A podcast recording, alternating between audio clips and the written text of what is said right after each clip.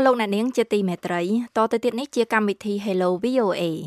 នៅរាត្រីនេះយើងនឹងពិភាក្សាអំពីអនាគតចរាចរណ៍នៅកម្ពុជាដោយយើងមានលោកគង់រតនៈប្រធានស្ដីទីវិទ្យាស្ថានសវត្ថភាពចរាចរណ៍ជាវាគ្មិន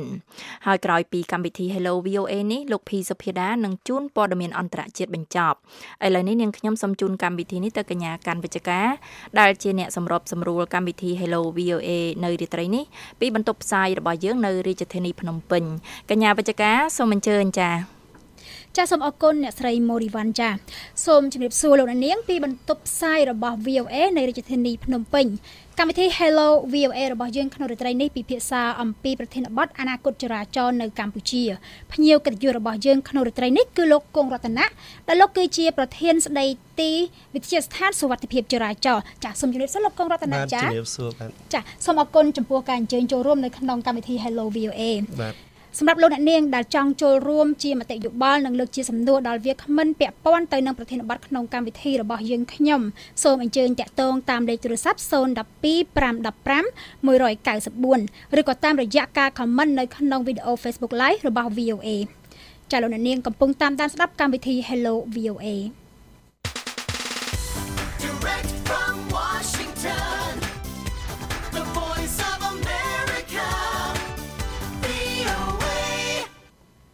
ចាបច្ចុប្បន្នគេឃើញស្ថានភាពចរាចរណ៍នៅកម្ពុជា ជាពិសេសក្នុងរាជធានីភ្នំពេញកាន់តែកកស្ទះពីមួយថ្ងៃទៅមួយថ្ងៃចំណែកគ្រោះថ្នាក់ចរាចរណ៍ក៏នៅតែបន្តសម្លាប់ជីវិតមនុស្សនិងធ្វើឲ្យខូចខាតទ្រព្យសម្បត្តិក្នុងកម្រិតខ្ពស់ដល់គួរឲ្យព្រួយបារម្ភដដែលបើតាមរបាយការណ៍របស់នាយកដ្ឋាននគរបាលចរាចរណ៍និងសម្ដាប់ធ្នាប់សាធារណៈនៃអគ្គស្នងការដ្ឋាននគរបាលជាតិបង្ហាញថាក្នុងមួយឆ្នាំពេញនៃឆ្នាំ2018 គ្រោះថ្នាក់ចរាចរណ៍កើតឡើងចំនួនជាង3000លើកហើយសម្រាប់មនុស្សក្នុងគ្រោះថ្នាក់ចរាចរណ៍នោះគឺដោយរាប់តែនៅលើដងផ្លូវតែប៉ុណ្ណោះមិនរាប់តែមន្ទីរពេទ្យទេគឺមានចំនួនជិត1800នាក់ចំណែកឯអ្នករងរបួសទាំងធ្ងន់និងស្រាលហ្នឹងមានចំនួនជិត5000នាក់ឯណោះ ដើម្បីកុំឲ្យខាតពេលនាងខ្ញុំសូមអញ្ជើញលោកគង់រតនៈបកស្រាយពាក់ព័ន្ធទៅនឹងចរាចរណ៍ផ្លូវគោកនៅកម្ពុជាយើងថាតើបច្ចុប្បន្នចរាចរណ៍យើងមានស្ថានភាពបែបណាស្ថានភាពទាំងអស់នោះបណ្ដាលមកពីអ្វីហើយយើងគួរធ្វើបែបណាដើម្បីឲ្យចរាចរណ៍នៅកម្ពុជានោះមានភាពប្រសើរឡើងអញ្ចឹងសូមអញ្ជើញលោកគង់រតនៈមានប្រសាសន៍បកស្រាយចា៎សូមអញ្ជើញបាទអរគុណច្រើនសម្រាប់ VOA ថ្ងៃនេះដែលអនុញ្ញាតឲ្យខ្ញុំមកចូលរួមជាមួយនឹងកម្មវិធីចរាចរណ៍សម្រាប់ប្រទេសកម្ពុជាយើង អឺស្ថានភាពចរាចរណ៍នៅក្នុងប្រទេសកម្ពុជាយើងសពថ្ងៃហ្នឹងអឺប្រសិនបើយើងកលេចមើលទៅតាមទូរលេខក៏ដូចជាយើងមើលទៅលើសកម្មភាពចរាចរណ៍ផ្ទាល់សប្តាហ៍ថ្ងៃហ្នឹងគឺយើងឃើញថាមានលក្ខណៈពុំទាន់បានប្រសើរដូចអ្វីដែលយើងចង់បាននៅឡើយទេ គឺយើងនៅទៀមទាលក្ខខណ្ឌមួយចំនួន មិនមែនមួយចំនួនទេច្រើនទៀតដើម្បីធ្វើឲ្យប្រសើរឡើងនៅតាមសវត្ថភាពនៅតាមដងផ្លូវរបស់យើងអញ្ចឹងដោយកញ្ញាបានលើកឡើងមកអញ្ចឹងយើងឃើញថាជាមធ្យមមានប្រជាពលរដ្ឋខ្មែរយ៉ាងតិច5នាក់បានស្លាប់នៅតាមដងផ្លូវនៅក្នុងប្រទេសកម្ពុជារបស់យើងហើយភាគច្រើននៅតាមផ្លូវជាតិហើយអ្នកស្លាប់ទាំងអស់នោះបើតាមប្រព័ន្ធព័ត៌មានរបស់ គណៈកម្មការជាតិសំទោសប្រព័ន្ធព័ត៌មានជនរងគ្រោះដោយសារគ្រោះថ្នាក់ចរាចរណ៍ដែលរៀបចំដោយគណៈកម្មការគណៈកម្មាធិការជាតិសុវត្ថិភាពចរាចរណ៍ផ្លូវគោកចា៎អឺយើងឃើញថាពួកគាត់នឹងឯងភាគច្រើនគឺជាកសិករហើយអ្នកស្លាប់ភាគច្រើននៅតាមផ្លូវជាតិសំខាន់សំខាន់ហើយមូលហេតុចម្បង ដែលធ្វើឲ្យមានមនុស្សស្លាប់ជាងគេហ្នឹងគឺការបើកបរហួសល្បឿនកំណត់ បន្ទាប់មកយើងមានការបើកបរក្រោមអធិបុលនៃជាតិស្វឹងហើយនឹងបន្ទាប់មកទៀតគឺយើងមានជាបន្តបន្តហ្នឹងដូចជាការមិនគោរពសិទ្ធិអតិភិបអីជាដើមអញ្ចឹងនៅក្នុងនោះឯងគឺយើងឃើញថាភាកច្រើនដែលយើងសរុបមកកត្តាដែលបកកឡើងដោយសារមនុស្សដែលយើងហៅថាកត្តាមនុស្សហ្នឹងមានអត្រាជាង90%ដែលកត្តាយានយន្តបូកជាមួយនឹងកត្តាបរិស្ថានហ្នឹងមានប្រហែលជា3.5ទៅ4%តែប៉ុណ្ណោះក្នុងការស្រាវជ្រាវរបស់ខាង គណៈកម្មការជាតិនឹងឯងចឹងសម្រាប់ខ្ញុំខ្ញុំចង់ឆ្លៀតក្នុងឱកាសនេះជំរាបទៅដល់បងប្អូនប្រជាពលរដ្ឋថា គ្រោះថ្នាក់ចរាចរណ៍នឹងមិនមែនជាការឧបតហេតុកើតឡើងដោយយើងមិនអាចគ្រោងទុកបានទេវាគឺជាយើងបានបង្ហាញក្នុងពេលថ្មីៗនេះគឺតាមរយៈការសិក្សាជាលក្ខណៈបែបវិទ្យាសាស្ត្រចឹងបងប្អូនប្រជាពលរដ្ឋមួយចំនួនហ្នឹងគាត់ច្រើនទៅយល់ច្រឡំថា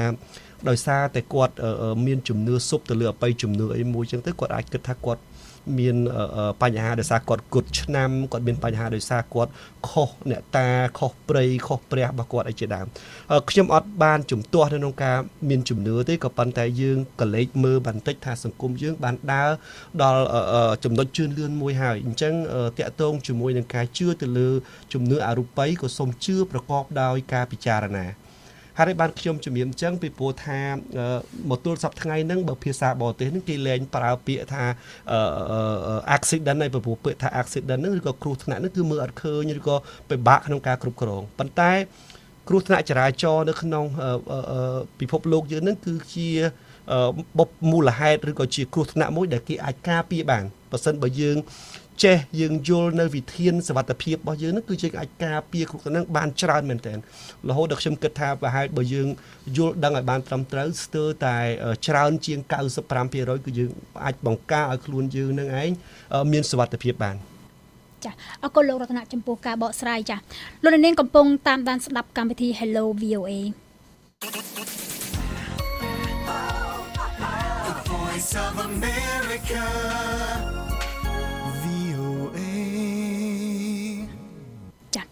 លោកអ្នកនាងកំពុងតាមដានស្ដាប់កម្មវិធី Hello VOA ដែលមានវាគ្មិនរបស់យើងគឺលោកគង់រតនៈដែលលោកគឺជាប្រធានស្ដីទីវិទ្យាស្ថានសុវត្ថិភាពចរាចរណ៍ចាលោកអ្នកនាងប្រសិនបើលោកអ្នកចង់ចូលរួមជាមតិយោបល់និងលើកជាសំណួរដល់វាគ្មិនពាក់ព័ន្ធនឹងប្រធានបទនៅក្នុងកម្មវិធីរបស់យើងខ្ញុំសូមអញ្ជើញតាក់ទងតាមលេខទូរស័ព្ទ012 515 194ឬក៏តាមរយៈការ comment នៅក្នុងវីដេអូ live របស់ VOA សម្រាប់ពេលនេះនាងខ្ញុំសូមទទួលសំណួរក៏ដូចជាមតិយោបល់ពីប្រិយមិត្តពាក់ព័ន្ធនឹងប្រធានបទអនាគតចរាចរណ៍នៅកម្ពុជាប្រសិនបើលោកអ្នកនាងមានជាសំណួរសូមអញ្ជើញ call ចូលតាមរយៈទូរស័ព្ទដែលនេះខ្ញុំបានរៀបរាប់ពីខាងលើក៏ដូចជាតាមរយៈការ comment នៅលើ Facebook Live ឃើញថារហូតដល់ពេលនេះមិនទាន់មានការទទួលជាសំណួរពីខាងប្រិយមិត្តទេអញ្ចឹងនេះខ្ញុំសូមសួរសំណួរមួយចំនួនទៅកាន់លោករតនៈតែម្ដងពាក់ព័ន្ធជាមួយនឹងចរាចរណ៍នេះ អាចបញ្ជាក់បានបន្ថែមទេលោករតនថាតើមូលហេតុអ្វីបានជាចរាចរណ៍នៅកម្ពុជាយើងមួយថ្ងៃពីមួយថ្ងៃដូចលើកបានលើកឡើងអញ្ចឹងគឺកាន់តែកកស្ទះតើវាបដាលមកពីអីដែរចា៎បាទអរគុណច្រើនសម្រាប់សំណួរហ្នឹងតាមពិតទៅយើងត្រូវចាច់ឲ្យដាច់ពីគ្នាតាក់ទងជាមួយនឹងសុវត្ថិភាពចរាចរណ៍ក៏ជាមួយនឹងការកកស្ទះការកកស្ទះហ្នឹងគ្រាន់តែជាផ្នែកមួយនៃលំហូរចរាចរណ៍ទេការកកស្ទះមិនបណ្ដាលឲ្យមានមនុស្សស្លាប់ទេ ប៉ុន្តែការកកស្ទះនឹងបណ្ដាលឲ្យប្រជាពលរដ្ឋយើងមានអារម្មណ៍ធុញថប់ ក៏ដូចជាយើងខាតបង់ទៅលើការប្រើប្រាស់ខាតពេលវេលាក៏ដូចជាខាតការប្រើប្រាស់ទៅលើធម្មពលផ្សេងផ្សេងដូចជាសាំងដូចជាអីទូទៅអញ្ចឹងអញ្ចឹងបើយើងនិយាយអំពីរឿងសុវត្ថិភាពពេលដែលកកស្ទះនឹងឯងគឺប្រជាពលរដ្ឋភាគច្រើនគាត់មានសុវត្ថិភាពខ្ញុំលើកលែងអ្នកជំងឺចេញតែគាត់ត្រូវការទៅមន្ទីរពេទ្យប៉ុន្តែបើប្រជាពលរដ្ឋទូទៅពេលកកស្ទះអញ្ចឹងគឺมันមានបញ្ហាអីដែលបង្កឲ្យឲ្យមានបញ្ហាទេប៉ុន្តែផ្ទុយទៅវិញបើយើងនិយាយអំពីសុវត្ថិភាពចរាចរណ៍នៅពេលដែលបងប្អូនធ្វើដំណើរតាមដងផ្លូវនោះអឺ បើសិនជាលបឿននឹងកាន់តែលឿនគឺគាត់នឹងប្រឈមមុខនឹងហានិភ័យជាច្រើនពាក់ព័ន្ធជាមួយនឹងការប៉ះទង្គិចទៅគឺទំហំនៃការរងរបួសស្នាមនោះគឺធ្ងន់ធ្ងរប៉ុន្តែយើងក៏មិនអាចគេចចេញពីការកកស្ទះដូចគ្នាពីព្រោះមានពេលខ្លះទៅមនុស្សគាត់បាត់បង់ការអត់ធ្មត់ដោយសារគាត់ធុញថប់នឹងការខាតពេលវេលាគាត់មិនបានដូចបំណងគាត់អាចគិតថាការខាតបង់ក៏អាចបង្កទៅជាបញ្ហាដែរ បញ្ហាដែលយើងសង្កេតឃើញការកកស្ទះនៅក្នុងជាពិសេសនៅក្នុងទីក្រុងភ្នំពេញយើងនឹងតាមបណ្ដាខេត្តមួយចំនួនដែលយើងបានឃើញដែរពេលមានបុណ្យឬក៏ពិធីបុណ្យទានធំធំអីចឹងទៅវាច្រើនកើតឡើងយើងមានចំណុចខ្លះខ្លះដែលតកតងជាមួយនឹងការកើនឡើងនៅលំហូរចរាចរណ៍ទី1គឺពាក់ព័ន្ធជាមួយនឹងកំណើនយានយន្ត យើងបានឃើញក្នុងរយៈពេលប្រហែលឆ្នាំចុងក្រោយនេះការព្យាកររបស់ធនាគារពិភពលោកគឺយើងមានកំណើនសេដ្ឋកិច្ចដល់ទៅ7%ក្នុងមួយឆ្នាំអញ្ចឹងប្រជាពលរដ្ឋគឺលោកមាន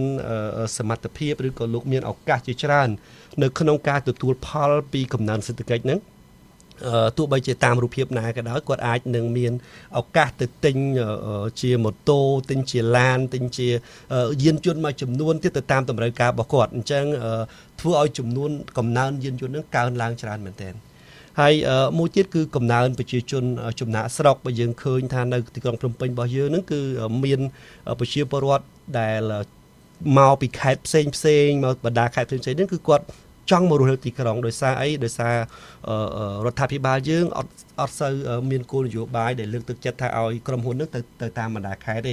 គាត់ចង់នៅទីក្រុងដោយសារប្រភពធម្មពលមានគ្រប់គ្រាន់ដោយសារធនធានដោយសារសវត្ថិភាពផ្សេងផ្សេងអញ្ចឹងធ្វើឲ្យប្រជាពលរដ្ឋលោកចង់មកទីក្រុងពីព្រោះកាលណាមនុស្សច្រើនគាត់សម្បូរជាចរន្តសេដ្ឋកិច្ចមួយអញ្ចឹងធ្វើឲ្យកំណើននៃការកកស្ទះជាពិសេសនៅក្នុងទីក្រុងភ្នំពេញក៏ដូចជាតាម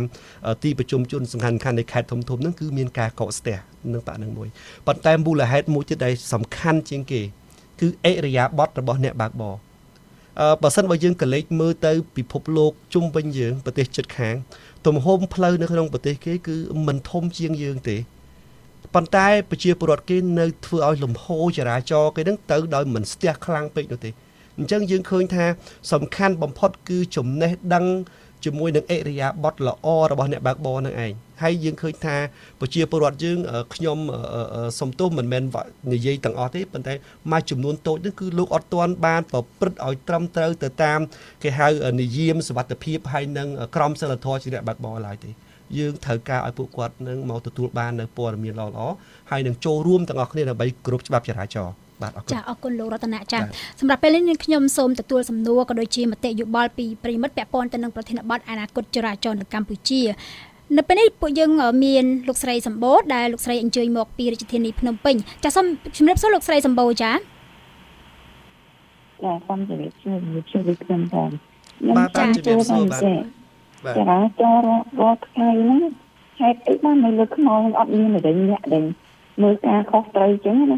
គឺថាចង់ទៅចង់មកចឹងប្រចាំយកទៅឈ្នះរៀនខ្លួនចឹងណាសូម្បីតែអ្នកដើរណាក៏បុកឧគាហៀឡើង អញចោលមកកែមអីយ៉ាងហ្នឹងហើយលើខ្នល់សម្រាប់ចតឡានអីឆ្ងល់ដល់ហើយឡានពេញហើយមើលអត់ឃើញទៅទៅមើលឃើញតែរឿងអត់ប្រយោជន៍ទេនោះពេញណាខ្ញុំសូមសួរថាឥឡូវហ្នឹងលើខ្នល់ធ្វើម៉េចឲ្យឲ្យវាបានប្រសើរសម្រាប់តាំងអ្នកដើរតាំងតាំងអ្នកជិះហ្នឹងហើយបោះអាអាគៀនគៀនចិត្តចិត្តផ្សារចិត្តអីហ្នឹងណាលើផ្លូវលើផ្លូវហ្នឹងធ្វើជាចំណតពេញដាច់អស់លេងហើយលើផ្លូវតាជាណាអី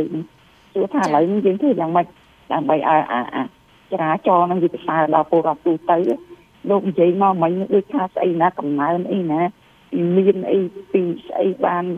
ឡានម៉ូតូច្រើនអីខ្ញុំអត់អាចទទួលយកបានពាក្យហ្នឹងនិយាយមកអញ្ចឹងអញ្ចឹងសូមលោកមានសេចក្តីប្រសាសន៍នឹងធ្វើម៉េចឲ្យបានត្រឹមត្រូវដែរ ពលរដ្ឋស្ដាប់អាចទទួលយកបានចាសូមអរគុណរំទៀតចាចាអរគុណច្រើនលោកស្រីសម្បូរចាចាសូមជឿលោករតនៈឆ្លើយបាទអរគុណច្រើនអ្វីដែលខ្ញុំបានលើកឡើងតាក់ទងជាមួយកំណើននឹងគឺខ្ញុំចង់ជំរាបថាប្រជាពលរដ្ឋភាគច្រើនគាត់មានឱកាសនៅក្នុងការទទួលបានយានយន្តនឹងតាមរយៈប្រព័ន្ធសេដ្ឋកិច្ចនៅក្នុងប្រទេសជារួមប៉ុន្តែបើសិនបើយើងកលេចមើលមកសប្តាហ៍ថ្ងៃដូចខ្ញុំបានលើកឡើងអំបញ្ញមិញអញ្ចឹងថា វាជាការទទួលខុសត្រូវរួមទាំងអស់គ្នា មិនមែនថាយើងបន្ទោសខាងណាឬក៏ទម្លាក់ខាងណាទេអឺវាមានចំណែកនៃការទទួលខុសត្រូវខ្ញុំឧទាហរណ៍ថាចំណែករបស់រដ្ឋបាលនៅក្នុងទីក្រុងភ្នំពេញសាលារាជធានីភ្នំពេញក៏ដូចជាអាជ្ញាធរនៅតាមសង្កាត់ខណ្ឌនីមួយៗហ្នឹងគឺគាត់មានតួនាទីនៅក្នុងការថែរក្សាសម្ដាប់ធ្នាប់សាធារណៈនឹងឯងគឺគាត់មានសិទ្ធិ អញ្ចឹងគាត់ត្រូវមានតួនាទីនៅក្នុងការរៀបចំ គ្រប់គ្រងស្ដាប់ធ្នាប់ដូចជាការរៀបចំចំណតដូចជាការមើលទៅលើអេរិយាបថរបស់ប្រជាពលរដ្ឋនៅក្នុងតំបន់ហ្នឹងបើសិនបើគាត់ចតខុសអាញាធរដែលស្ថិតនៅក្នុងទីតាំងភូមិសាស្ត្ររបស់គាត់នឹងគាត់មានសិទ្ធិផាកពិន័យពួកយើងមានច្បាប់ជាទូទៅគឺយើងមានដូចគ្នាអញ្ចឹងអញ្ចឹងអ្វីដែលណាមីងសម្បូរបានលើកឡើងមិញហ្នឹង ខ្ញុំអត់ប្រកែកពីព្រោះខ្ញុំឃើញដូចគ្នាប៉ុន្តែអ្វីដែលខ្ញុំចោតប្រកាន់សំទោសអ្វីដែលខ្ញុំចង់បង្ហាញទៅគាត់វិញគឺពាក់ព័ន្ធជាមួយនឹងសិលធម៌របស់ពលរដ្ឋនៅក្នុងប្រទេសកម្ពុជាយើងគឺសម្រាប់ខ្ញុំផ្ទាល់ខ្លួនខ្ញុំមានអារម្មណ៍ថាសិលធម៌ភាគច្រើនបានធ្លាក់ចុះពីព្រោះអីនៅពេលដែលខ្ញុំសង្កេតឃើញថានៅតាមពេលដែលឈប់ស្តុបមួយចំនួនពេលដែលមានថ្មើរជើងឆ្លងកាត់អ្នកបើកបរមួយចំនួនគឺស្ទឹងតែមិនទុកឱកាសឲ្យថ្មើរជើងនឹងគាត់បានឆ្លងទៅត្រឹមត្រូវទេ ហើយនេះគឺជាការមិនគោរពសិទ្ធិអតិភិបការមិនគោរពសិទ្ធិរបស់ថ្មើរជើងអ្នកជិះកង់មួយចំនួនអ្នកដើរមួយចំនួននឹងគឺគាត់រកកន្លែងដើរអត់បានដោយសារប្រជាពលរដ្ឋយើងទាំងអស់គ្នានឹងរំលោភហើយខ្ញុំសួរថាប្រជាពលរដ្ឋរំលោភផ្លូវនឹងមិនបានបើអាជ្ញាធរមានប៉ុន្តែយើងដឹងស្រាប់ហើយថាការអនុវត្តច្បាប់នៅក្នុងប្រទេសកម្ពុជាយើង គឺមិនទាន់បានពេញលេញទេខ្ញុំនិយាយថាមិនទាន់ពេញលេញហ្នឹងគឺអត់ទាន់បានស្មើភាពគ្នាទេ អញ្ញាអាជីវករមួយចំនួនគឺគាត់គាត់ថាគាត់លក់បានដោយសារគាត់បង់ភាសីប្រចាំខែឲ្យគេបើមិនជាគាត់អត់បង់គឺលក់អត់បានទេអញ្ចឹងសួរថាតើអានឹងវាជាទួនាទីរបស់អ្នកណាក្នុងនាមខ្ញុំជាអង្គការសង្គមស៊ីវិលខ្ញុំមើលឃើញបញ្ហានឹងដូចគ្នាហើយខ្ញុំមិនអាចមានសមត្ថកិច្ចទៅធ្វើការងារនឹងទេតែខ្ញុំអាចជម្រាបជូនអាចជួយជាសម្លេងមួយនៅក្នុងប្រាប់ថានេះគឺជាទង្វើដែលធ្វើឲ្យសង្គមយើងដើរថយក្រោយអញ្ចឹងអ្វីដែលយើងចង់បានគឺអញ្ចឹងបាទ ចាអរគុណលោករតនៈចាមែនតើមិញលោកមានប្រសាសន៍ពាក់ព័ន្ធជាមួយនឹងស្ថានភាពពាក់ព័ន្ធទៅនឹងអេរិយាប័ត្ររបស់អ្នកដែលគាត់ប្រើប្រាស់ឬក៏អ្នកដែលគាត់បើកបរអីអញ្ចឹងលោកអាចបញ្ជាក់បានទេថាបើសិនបើអ្នកបើកបរឬក៏ប្រជាពលរដ្ឋយើងនឹងมันមានការផ្លាស់ប្ដូរនៅអេរិយាប័ត្រនៃការបើកបរទាំងអស់នោះតើនឹងមានស្ថានភាពបែបណាតើចរាចរណ៍ក្នុងពេលអនាគតហ្នឹងបាទអឺបាទ អូខេហ្នឹងហើយជាទូទៅបើសិនបើយើងមើលនៅក្នុងស្ថានភាពចរាចរណ៍នោះគឺយើងបានធ្វើការព្យាករមុនជាមួយនឹងគណៈកម្មការគណៈកម្មាធិការជាតិសវត្ថភាពចរាចរណ៍ផ្លូវគោកជាមួយនឹងសង្គមស៊ីវិលនឹងយើងថាក្នុងរយៈពេល10ឆ្នាំពីឆ្នាំ2011ដល់2020ប្រសិនបើគ្មានបើសិនបើសិនបើគ្មានសកម្មភាពពាក់ព័ន្ធជាមួយនឹងចរាចរណ៍ទេក្នុងមួយឆ្នាំប្រជាជនកម្ពុជាយើងអាចមានចំនួនអ្នកស្លាប់ទៅដល់3200នាក់នោះបើសិនជាអត់មានសកម្មភាពអីសោះ ប៉ុន្តែយើងបានរៀបចំសកម្មភាពជាការអប់រំផ្សព្វផ្សាយយើងបានរៀបចំជាសកម្មភាពនៃការរឹតបន្តឹងច្បាប់ហើយយើងក៏សហការទាំងគ្រប់វិស័យយើងបានធ្វើក៏ប៉ុន្តែទំហំនៃបញ្ហាដែលកើតឡើងហើយជាមួយដំណោះស្រាយដែលយើងបានដាក់ចូលទៅគឺអត់សមមាត្រគ្នាខ្ញុំជំរាបចឹងមានន័យថាមកដល់សប្តាហ៍ថ្ងៃហ្នឹងការងារផ្នែកខាងសវត្ថភាពចរាចរណ៍ទាំងផ្នែកសង្គមស៊ីវិលទាំងផ្នែករដ្ឋាភិបាលហ្នឹងគឺយើងមានកង្វះខាតថវិកាសម្រាប់ធ្វើសកម្មភាពហ្នឹង បាទជាក់ស្ដែងបើយើងមើលការព្យាករផ្នែកការខាតបង់ទៅលើសេដ្ឋកិច្ចក្នុងមួយឆ្នាំប្រទេសកម្ពុជាយើងខាតបង់សេដ្ឋកិច្ចនឹងរហូតដល់ជាង300លានដុល្លារនេះគឺយើងសិក្សាតាំងពីឆ្នាំ2013 14នោះជាង300ហើយបើសិនបើយើងគិតមកដល់ឆ្នាំឥឡូវជាមួយនឹងអត្រាអតិផរណាជាមួយនឹងកំណើនប្រជាពលរដ្ឋខ្ញុំជឿជាក់ថាចំនួននឹងច្បាស់ជាមិនតិចជាងនឹងទេ ប៉ុន្តែការវិនិយោគចូលទៅក្នុងការដោះស្រាយបញ្ហាមានថាជាថវិកាដែលបានដាក់ចូលទៅក្នុងកញ្ចប់សម្រាប់ដោះស្រាយបញ្ហាចរាចរណ៍ហ្នឹងក្នុងមួយឆ្នាំមានអត់ដល់5លានដុល្លារទេយើងបូកទាំងរដ្ឋាភិបាលបូកទាំងអង្គការសង្គមស៊ីវិលអញ្ចឹងមានន័យថាពួកយើងខ្វះខ្វះខាតថវិកាបើយើងធៀបជាមួយនឹងការងារអេតក្នុងមួយឆ្នាំអ្នកស្លាប់មិនដល់100នាក់ផងប៉ុន្តែថវិកាសម្រាប់ធ្វើការងារទប់ស្កាត់ជំងឺអេតមានប្រហែលជាខ្ទង់30ទៅ40លានដុល្លារនេះយើងឧទាហរណ៍តែរឿងអេតមួយផង ជំងឺគ្រុនចាញ់ក្នុងមួយឆ្នាំមួយឆ្នាំគាត់ស្លាប់តិចជាងគ្រោះចរាចរណ៍ទេប៉ុន្តែគាត់មានថវិកាសម្រាប់អនុវត្តសកម្មភាពច្រើនជាងនឹងទៀតអញ្ចឹងសម្រាប់ខ្ញុំខ្ញុំទទួលទាំងអស់នៅ comment ផ្សេងផ្សេងក៏ប៉ុន្តែក៏សូមបងប្អូនប្រជាពលរដ្ឋមេត្តាយោគយល់ថាវាជារឿងមួយដែលយើងចង់ធ្វើក៏ប៉ុន្តែលទ្ធភាពយើងអត់ទាន់ទៅដល់ហ្នឹងទេ ហើយនេះគឺជារឿងដែលទូទៅហើយមានករណីមួយចំនួនទៀតនៅពេលដែលគាត់ថាតើប៉ូលីសចរាចរណ៍ទៅណាយើងធៀបថាប្រជាជនចំនួន16លាននាក់ទូទាំងប្រទេសប៉ូលីសចរាចរណ៍មានប្រមាណហើយបើសិនជាអេរិយាប័ត្ររបស់គាត់ច្រើនហើយការអនុវត្តឬការរឹតបន្តឹងច្បាប់ដែលប្រជាជនប្រយោជន៍គាត់អត់ខ្លាចប៉ូលីសទៀតបាទគាត់អាងថាគាត់មានលុយគាត់អាងថាគាត់មានឡានល្អហើយប៉ូលីសខ្ញុំជំរាបត្រង់ថាបើប៉ូលីសថ្នាក់តូចទៀតមិនទាំងហ៊ានទៅអនុវត្តសម្រាប់អ្នកដែលជិះឡានល្អទៀតពីព្រោះគាត់ខ្លាចបាត់បង់របស់គាត់ទៅទៀត ចំណុចនឹងឯងដែលធ្វើឲ្យប្រទេសយើងដើរថយក្រោយផ្នែកខាងសន្តិភាពចរាចរណ៍នេះឯង អរគុណអរគុណលោករតនចាលោកអ្នកនាងជាទីមេត្រីប្រសិនបើលោកអ្នកនាងចង់ចូលរួមជាមតិយោបល់និងលើកជាសំណួរដល់វាគ្មិនពាក់ព័ន្ធទៅនឹងប្រធានបទក្នុងកម្មវិធីរបស់យើងខ្ញុំសូមអញ្ជើញតាក់ទងតាមលេខទូរស័ព្ទ012 515 194ឬក៏តាមរយៈការ comment នៅក្នុង Facebook Live របស់ VOA នេះខ្ញុំសូមទទួលសំណួរនិងការបញ្ចេញមតិយោបល់បន្ថែមពាក់ព័ន្ធទៅនឹងប្រធានបទរបស់យើងខាងលើសូមជម្រាបសួរលោកបុតដែលអញ្ជើញមកពីខេត្តបាត់ដំបងចា៎ បាទបាទជម្រាបសួរលោកអឺវាគ្មិន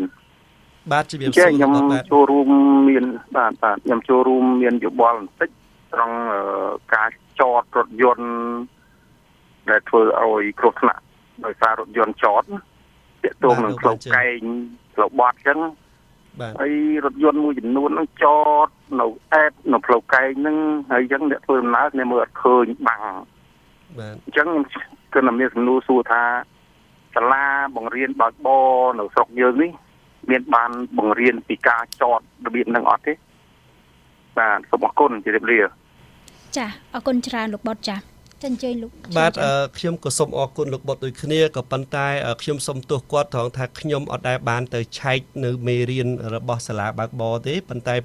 ខ្ញុំទទួលស្គាល់ថាពេលដែលខ្ញុំទៅរៀនប្រឡងយកបានបើកបរខ្លួនខ្ញុំផ្ទាល់ហ្នឹងបានទៅរៀននៅសាលាដែរប៉ុន្តែសាលាហ្នឹងគ្រាន់តែបោះសភៅច្បាប់ចរាចរណ៍ហើយនឹងបញ្យលជាគោលការណ៍តិចតួចបំផុតតែខ្ញុំត្រូវតែស្វែងយល់បន្ថែមនៅតាមសភៅផ្សេងទៀតអញ្ចឹងសម្រាប់ស្ថានភាពយើងសពថ្ងៃនៅពេលដែលគុណភាពរបស់បានបើកបរយើងរហូតដល់ថ្នាក់ក្រសួងសម័យខ្លួនឯងផ្ទាល់ក៏មានការសិក្សាដឹងថាបានបើកបរមួយចំនួននឹងមានការដែលគេហៅអំពើពុករលួយដើម្បីទទួលបាននៅបានបើកបរថែមទៀតអញ្ចឹងវាជារឿងមួយដែលខ្ញុំពិបាកសន្និដ្ឋានដោយសារខ្ញុំមិនមានតួលេខច្បាស់លាស់ ប៉ុន្តែអ្វីដែលយើងមើលឃើញថាសាលាបើកបរមួយចំនួននឹងប្រហែលជាមិនជាគោរពទៅតាមអ្វីដែលគាត់បានលើកឡើងនោះទេហើយការដែលយើងចេះដឹងឬក៏ការដែលយើងអាចធ្វើទៅបាននឹងគឺមានកត្តាបុគ្គលខ្លួនឯងផ្ទាល់គឺគាត់ត្រូវស្វែងយល់គាត់ត្រូវគេហៅមានគំនិតអធិស្ឋានអឺខ្ញុំបានឃើញអ្នកបើកបរមួយចំនួនពេលដែលគាត់ចង់ឈប់គឺគាត់ឈប់ភ្លាមដល់អត់មានខ្វល់ពីអ្នកខាងក្រោយទេ កន្លែងនឹងឯងដូចខ្ញុំថាចឹងហើយសាលាបើកបរគាត់យល់ថារឿងតូចតាចប៉ុណ្ណឹងមិនមិនគួរចាំបាច់ត្រូវប្រាប់ទេខ្ញុំឧទាហរណ៍ចឹងហើយចំណុចមួយចំនួនទៀតខ្ញុំឃើញអ្នកបើកបរមួយចំនួននោះគាត់ទាំងអត់ទាំងស្គាល់គំនូសសញ្ញានៅតាមដងផ្លូវផងពេលដែលឃើញគំនូសឆ្នោតកដាលជាប់ទ្រូងខ្នល់មិនមែនដាច់ទេគាត់នៅតែវ៉ាគ្នាគាត់នៅតែជែងគ្នាអញ្ចឹងយើងឃើញថាស្ថានភាពបែបហ្នឹងដែលយើងមានការសង្ស័យទៅលើចំណេះដឹងដែលគាត់ទទួលបានពីសាលាបើកបរ ហើយខ្ញុំពិបាកទទួលស្គាល់ពីព្រោះអីអ្នកបើកបរមួយចំនួនធំនៅពេលដែលទៅប្រឡងយកទ្រឹស្ដីក៏ដូចជាប្រឡងដៃជាកោតហ្នឹងគឺបើយើងនិយាយជាលក្ខណៈបុគ្គលគាត់សារភាពថាពីមុននេះខ្ញុំអត់បានព្រោះពេលប្រហែលឆ្នាំមុនហ្នឹងគាត់សារភាពថាគាត់បានចំណាយថវិកាខ្លះៗដើម្បីឲ្យគាត់បានជាប់ អញ្ចឹងខ្ញុំឃើញតាមមកដល់ឥឡូវនេះគឺយើងបានទៀមទាយើងទទូចសុំឲ្យមានការពង្រឹងទៅលើគុណភាពបានបើកបរហើយខាងក្រសួងក៏បានឆ្លើយតបថាគេមានយន្តការថ្មីក៏ប៉ុន្តែសុក្រិតយ៉ាងណានោះគឺយើងអត់ទាន់មានយកអីទៅវាស់បានកន្លែងហ្នឹង ចាអរគុណលោករតនចាបាទអរគុណច្រើនលោកនាងជាទីមេត្រីដោយសារតែពេលវេលាយើងមានកំណត់នាងខ្ញុំនឹងមិនទទួលយកសំណួរក៏ដូចជាការបញ្ចេញមតិយោបល់ពីប្រិយមិត្តបន្តនោះទេប៉ុន្តែនាងខ្ញុំនៅមានសំណួរចំនួន2ចុងក្រោយទៅកាន់លោកវាគ្មិនពាក់ព័ន្ធជាមួយនឹងមើលឃើញថាតើដើម្បីឲ្យស្ថានភាពចរាចរណ៍របស់យើងនៅក្នុងប្រទេសកម្ពុជានឹងមានភាពប្រសើរឡើងយើងមើលឃើញថាតើស្ថាប័នឬក៏បុគ្គលណាខ្លះដែលគាត់មានតួនាទីនៅក្នុងការធ្វើឲ្យប្រសើរឡើងនេះហើយយើងមើលមួយទៀតថាប្រសិនបើគាត់ធ្វើតើធ្វើដោយរបៀបណាចាន់ជឿលោកបាទអរគុណច្រើនសម្រាប់បញ្ហាសុវត្ថិភាពចរាចរណ៍និងស្ថានភាពរបស់យើងសពថ្ងៃនេះគឺយើងកំពុងស្ថិតនៅក្នុងស្ថានភាពមួយដែលអត់សូវល្អអញ្ចឹងនៅក្នុងវិធានសុវត្ថិភាពចរាចរណ៍សម្រាប់ប្រជាពលរដ្ឋយើងមិនត្រឹមតែនៅស្រុកខ្មែរយើងនោះគឺនៅទូទាំងពិភពលោកគឺគេជ្រើសរើសយកជំរើសដែលជាមុំ3សម្រាប់ធ្វើឲ្យប្រសើរឡើងនៅសុវត្ថិភាពចរាចរណ៍ជំរើសទី1នេះគឺយើងពាក់ព័ន្ធជាមួយនឹងវិស្វកម្មផ្លូវថ្នល់មានន័យថានៅពេលដែលកសាងផ្លូវថ្នល់ហ្នឹង គឺជាផ្លូវថ្នល់ដែលមានសុវត្ថិភាពមិនមែនជាផ្លូវថ្នល់ដែលប្រជាជនជិះទៅមានបញ្ហាគ្រោះថ្នាក់អីទេហើយបើទោះជាគាត់មានកំហុសឆ្គងក៏ផ្លូវថ្នល់ហ្នឹងមិនអនុញ្ញាតឲ្យ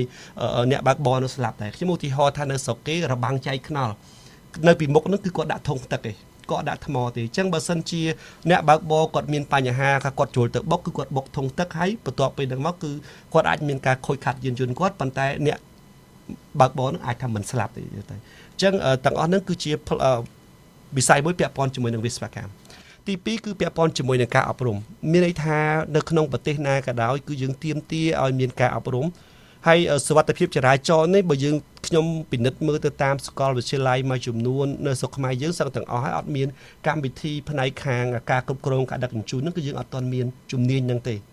មានន័យថាយើងអត់ទាន់មានទេហើយបើសិនជាអ្នកដែលមានជំនាញហ្នឹងគឺគាត់ទៅរៀនពីខាងក្រៅយកមកទេអញ្ចឹងមួយទៀតកម្មវិធីទៅតាមសាលារដ្ឋអឺខាងខ្ញុំធ្លាប់ធ្វើការជាមួយនឹងអង្គការជនពិការអន្តរជាតិ Basic គឺយើងបានសំណូមពរសូមឲ្យរាជរដ្ឋាភិបាលនឹងបញ្ចូលកម្មវិធីសមត្ថភាពចរាចរណ៍នឹងទៅក្នុងកម្មវិធីសិក្សាសាលារដ្ឋក៏ប៉ុន្តែមកដល់ពេលនេះគឺជាកម្មវិធីនេះគឺក្រសួងបានគិតគូរបញ្ចូលដែរក៏ប៉ុន្តែគាត់ដាក់ទៅជាមុខវិជ្ជាគេហៅជំរឿសមិនមែនជាមុខវិជ្ជាដែលត្រូវតែរៀនទេ តែជាជំរឿសសាលាខ្លះដែលអាចយកយកមករៀនបានគឺគាត់យកមកសាលាមួយចំនួនទៀតគឺអត់អត់ចាំបាច់រៀនអានឹងក៏បានដែរអញ្ចឹងណាអញ្ចឹងយើងនៅតែខិតខំជំរុញឲ្យគាត់ដើម្បីគាត់ដាក់ហ្នឹងទៅជាកម្មវិធីមួយដែលសិស្សសាលាហ្នឹងគាត់ត្រូវដឹងនៅក្នុងសាលាហ្មងពីព្រោះអីអាចថាគាត់ចាប់ពីបឋមគាត់មានកង់ជិះពេលអនុវិទ្យាល័យគាត់អាចឡើងម៉ូតូឬក៏អីចឹងទៅហើយពេលដែលគាត់ធំគាត់ដឹងគ្រប់គ្រាន់អំពីទ្រឹស្ដីហើយនិងសញ្ញាចរាចរណ៍ផ្សេងផ្សេង ហើយចំណុចចុងក្រោយជាមុំទី3ហ្នឹងគឺការអនុវត្តច្បាប់មានន័យថានៅក្នុងគ្រួសារត្រូវមានវិន័យវិន័យត្រូវអនុវត្តទាំងអស់គ្នាហើយអនុវត្តឲ្យស្មើភាពដូចគ្នាដែរនៅក្នុងប្រទេសយើងមានច្បាប់ហើយច្បាប់ចរាចរណ៍នេះគឺតាក់តែងក្នុងគោលបំណងដើម្បីគ្រប់គ្រងឬក៏ធ្វើឲ្យប្រសើរឡើងនៅសុវត្ថិភាពចរាចរណ៍សម្រាប់ប្រជាពលរដ្ឋគ្រប់គ្នាក៏ប៉ុន្តែយើងឃើញថាមកទល់សប្តាហ៍ថ្ងៃហ្នឹងច្បាប់ចរាចរណ៍យើងមានសម្រាប់ខ្ញុំផ្ទាល់ខ្លួនខ្ញុំយល់ថាច្បាប់ចរាចរណ៍យើងល្អក៏ប៉ុន្តែ ការពង្រឹងការអនុវត្តច្បាប់ហ្នឹងខ្ញុំឃើញថានៅមានកម្រិតដែលខ្ញុំអត់ទាន់អាចទៅសើបានទេ បាទអញ្ចឹងគឺជាសំណុំពររបស់ខ្ញុំគឺសូមឲ្យមានការពង្រីកបន្ថែមនៅការពង្រឹងការអនុវត្តច្បាប់ហើយនេះគឺជាមុំ3ដែលខ្ញុំលើកឡើងហើយដើម្បីធ្វើឲ្យប្រសើរឡើង គឺមានតែការចូលរួមទាំងអស់គ្នាគោរពតាមច្បាប់ចរាចរណ៍ទេទើបប្រទេសយើងជាប្រទេសដែលមានសុវត្ថិភាពល្អ នេះខ្ញុំនៅមានសំណួរចុងក្រោយបន្តិចពាក់ព័ន្ធជាមួយនឹងស្ថានភាពចរាចរណ៍យើងយើងមើលឃើញថាតែរយៈពេល5ឆ្នាំទៅមុខទៀតប្រសិនបើការរៀបចំចរាចរណ៍របស់យើងនៅតែមិនមានភាពប្រសើរឡើងតើស្ថានភាពចរាចរណ៍នៅកម្ពុជាយើងនឹងទៅជាយ៉ាងណាវិញអឺសម្រាប់ខ្ញុំបើសិនជាគ្រប់លក្ខខណ្ឌដែលយើងបានលើកឡើងពីខាងដើមអត់មានការកែសម្រួលហើយអត់មានការចូលរួមទេស្ថានភាពយើងគឺមិនល្អទេហើយយើងនឹងវិវត្តទៅរ